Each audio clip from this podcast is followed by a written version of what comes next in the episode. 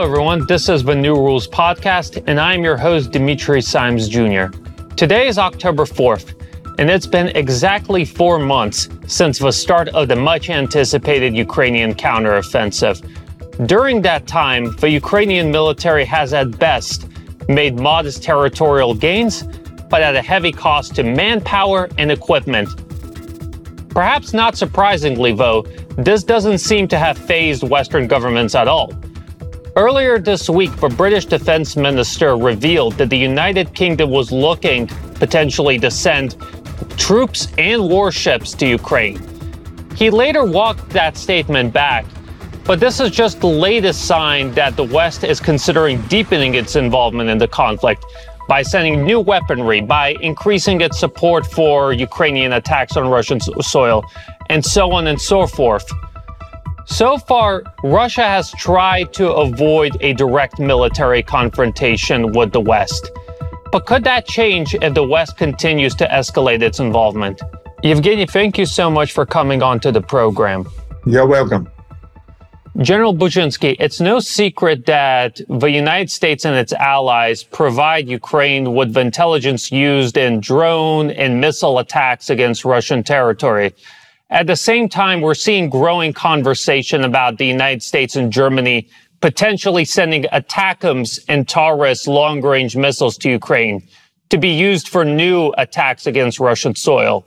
In your view, how serious is the risk of further escalation between the United States and Russia? Well, of course, uh, there is a risk. Uh, and uh, with every uh, well, with every new um, supply of new types of weapons, the the danger of uh, escalation is uh, growing. Uh, that's that's no doubt about that. But I think that the direct confrontation between uh, Russia and uh, NATO will be uh, possible. Will be possible if or when Russia strikes a target on the territory of a NATO country. What I mean, I think that the supply of uh, combat aircraft will be the moment of truth for the United States, not for NATO, because NATO is the United States. For the United States. Why? Uh, because um, I think, and not only me, uh, a lot of experts uh, believe that there are not enough airfields uh, suitable for uh, deployment of uh, Western combat aircraft. Well, F-16, okay, F-16s, and uh, that's not only the uh, smooth uh, runways, but the logistic and maintenance infrastructure. To build that infrastructure, well, under the constant fire of um, Russian forces, I don't think that's a very possible uh, outcome. So I think uh, that F-16s will be deployed on the territory of Poland, Romania. Well, it's uh, hard to speak about Slovakia. Before that, I uh, I would say and on the territory of Slovakia. But now, okay, Poland and uh, Romania. In this case, uh, of course, the according to all international laws, if an aircraft uh, takes off from an airfield and delivers uh, strikes against other forces, it becomes the natural target and and a lawful target uh, for a return strike. And in this case, I think that the United States will have to decide whether to invoke Article 5 and say we'll, as President Biden constantly saying, we'll defend every inch of uh, the territory of our allies, or he would say, okay, Poles, that's your business, bilateral with Russia, so please fight, we'll support you. That's uh, that's of course a possible scenario, but I think that uh, that scenario is quite possible in my opinion. So by deciding to supply Ukraine with F-16 fighter jets, NATO, in a sense, is becoming a participant of the conflict because there just is no way that the F-16s can be stored in Ukraine without getting destroyed. Uh, yes, of course. Uh, that makes, uh, well, I would not say NATO because, uh, you see, uh, Dimitri, uh, I'm not so enthusiastic about the unity of NATO, about the might of NATO, about the combat capabilities of NATO. Well, 80% of NATO combat capabilities provided by the United United States. So that's if uh, for uh, Russia there is an option to fight NATO without United States, uh, that's it's all right. In my opinion, that will be all right because uh, well, NATO without United States is not quite quite a force. But to fight the United States, that's another story. So that's my position on this issue. What about the provision of ATACMS missiles and Taurus missiles? Does that, from Russia's perspective, do you think represent a significant escalation? Yes, uh, that uh, ATACMS it's 300 kilometers, but yes, uh, Taurus is uh, more is uh, 500 kilometers or even more. I'd like to mention that in this case, Germany, which is a strong supporter of all uh, missile prohibition missile supplies regimes uh, now will be violating the key regime which prohibits uh, supply of technologies and missiles uh, with which flies over 500 uh, kilometers or 500 kilometers. But uh, okay, it's not so relevant in the case of war. But of course, in this case, and Dmitry Medvedev, who is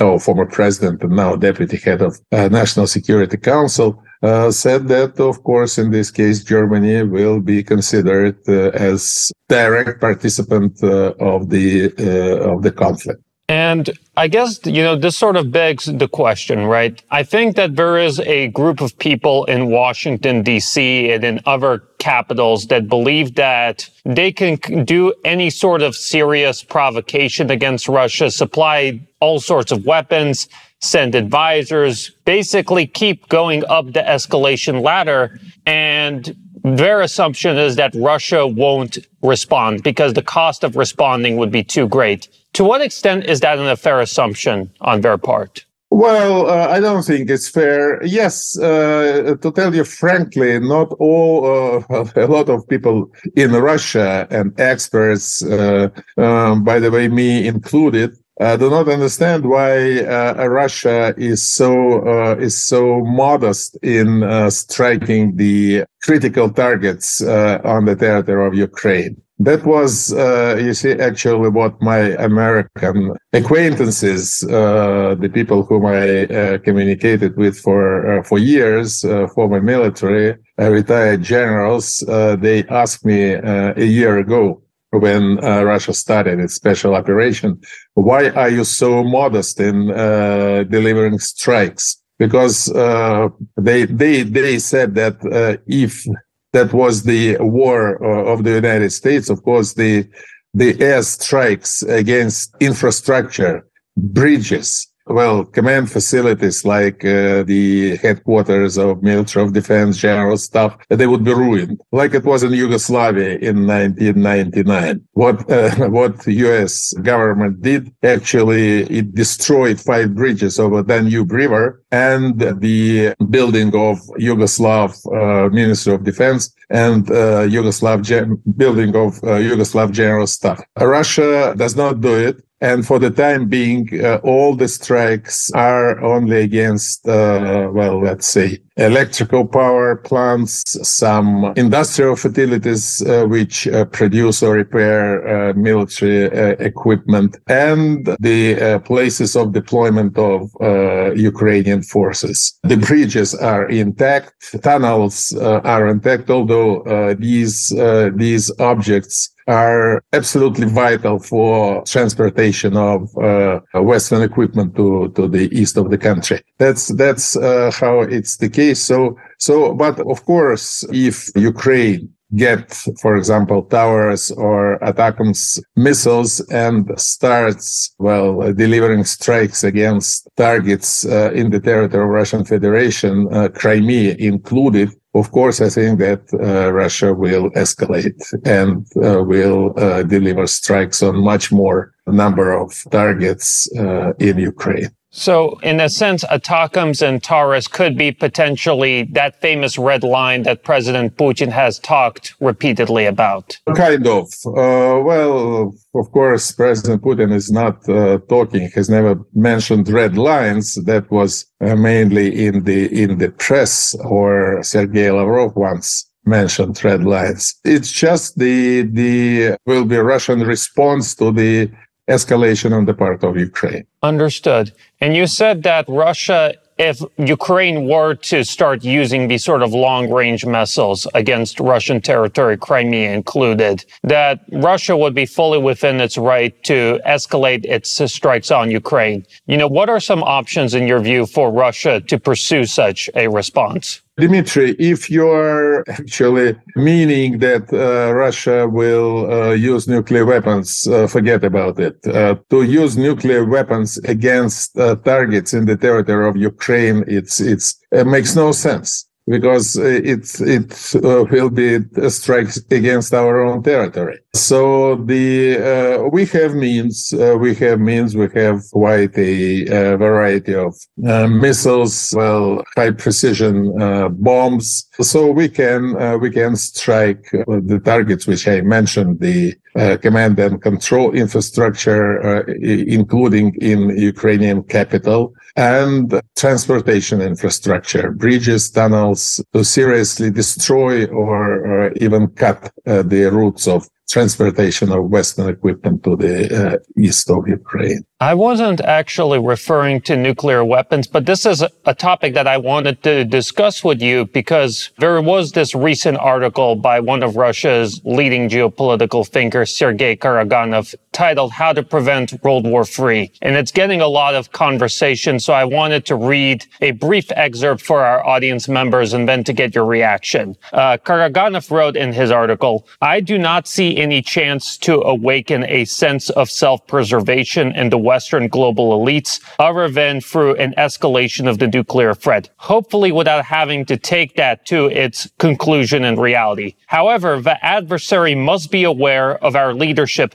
and society's unwavering commitment to take this step in case of utmost necessity. We need to restore belief in hell for those who have lost it. What do you think of this argument? And do you think that Karaganov may have a point that it's necessary to remind people about the specter of nuclear threat in order to help restore rationality in the geopolitical scene. You know, Dmitry, I do not agree with Karaganov. I know him uh, well. Uh, he knows me well. We argue on this subject, have been arguing on this subject for years. I, well, his logic, his logic is, to put it in uh, more simple uh, words, that now people in the West, especially in the United States, are not afraid of anything. It's because uh, the uh, generation, which uh, now in the uh, leading positions, in the command positions, in the armed forces, in the government, in political structures, they have not seriously fought anybody except uh, except some uh, Middle East countries like Iraq or Libya, mainly from the air. Uh, but uh, they never uh, fought a serious enemy on the ground. That's why uh, they have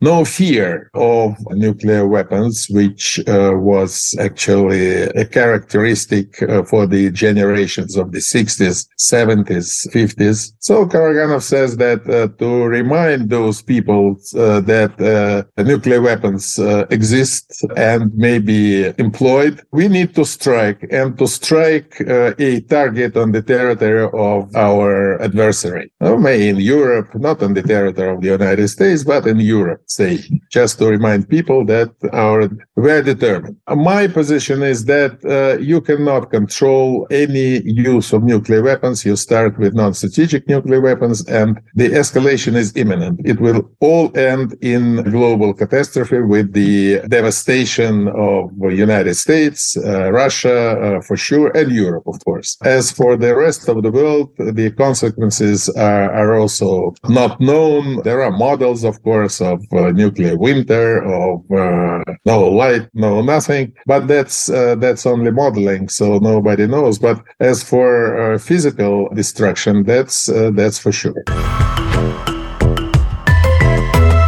You're watching and listening to the New Rules podcast. I'm your host, Dimitri Simes Jr., and our guest today is Yevgeny Buzhinsky. I guess that does beg the question because I think, as you mentioned, the fact of the matter is that unlike the Cold War, the current generation of leaders in the West don't take the prospect of nuclear war seriously. And as a result, they're far more likely to behave in reckless and risky ways. What can be done in order, I guess, to say, on the one hand, restore this fear of nuclear war, but at the other time, at the same time, avoid an uncontrollable spiral of escalation? well, Dmitry, it's a very difficult question. What should be done? Because we need to convince the people in the West that the threat is real. Well, i would like to remind you of a piece of history. In the 50s and in the 60s, when the uh, Cold War was actually on its peak or close to its peak,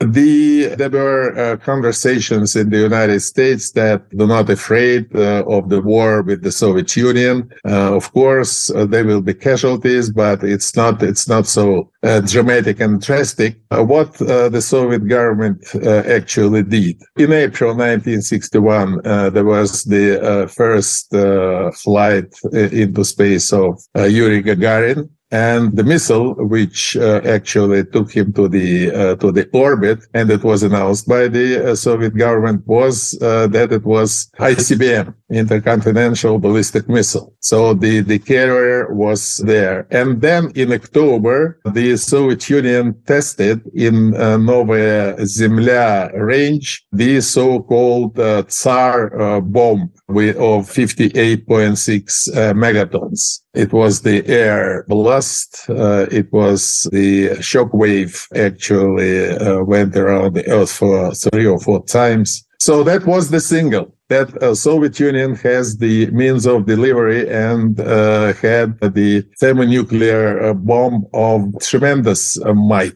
and yield. The Soviet government even planned to test a 100 megaton bomb, but uh, decided not to risk because nobody could calculate the uh, consequences. So maybe, maybe that's an option. More so that uh, United States uh, people in the United States are starting talking about resumption of uh, nuclear testing. So, one way, does Russia have its own sort of equivalent of the Tsar Bomba today that could help remind people that Russia is, you know, a strong nuclear power, that it has asymmetric capabilities, and that it's better to seek diplomacy rather than escalation? I think so. Uh, moreover, I don't know about uh, the 50 uh, megaton or 100 megaton bomb, uh, but as for, uh, for example, for Poseidon, Poseidon underwater uh, drones, uh, the nuclear warhead is of megaton class. I don't know how one, two, five, or 10 megatons, but it's of megaton plus. Understood. And, you know, since again, we're on the topic of nuclear weapons, even before the start of the Ukraine conflict, we saw the United States pull out of a number of important Cold War era arms control treaties. And earlier this year, President Putin said that Russia was suspending its participation in the New START treaty, which imposed limits on strategic nuclear forces. My question is,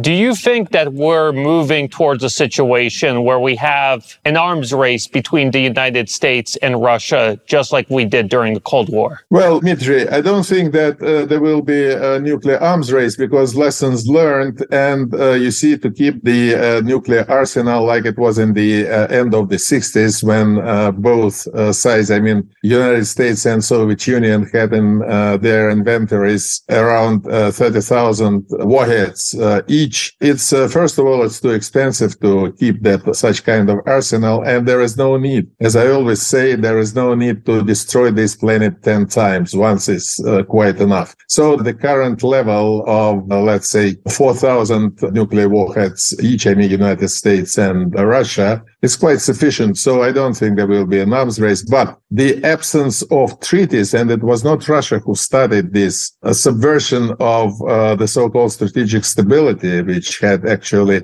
three pillars, ABM treaty, which United States abandoned in 2001, the INF treaty, which uh, United States uh, abandoned four or three years ago, and now uh, the START, which uh, actually President Putin declared that we terminate uh, the uh, fulfillment of this treaty because we actually at war with the United States, not at the uh, hot stage of war, but in all kinds of war. And the United States uh, proclaimed the uh, the goal to strategically defeat Russia. In these circumstances, to uh, to be abided by the restrictions of a law of, of a treaty, well, President Putin consider it it's not let's put it like this it's not natural. I think for a lot of our audience members the phrase that caught their attention is that the us is basically at war with russia not directly but in all other ways.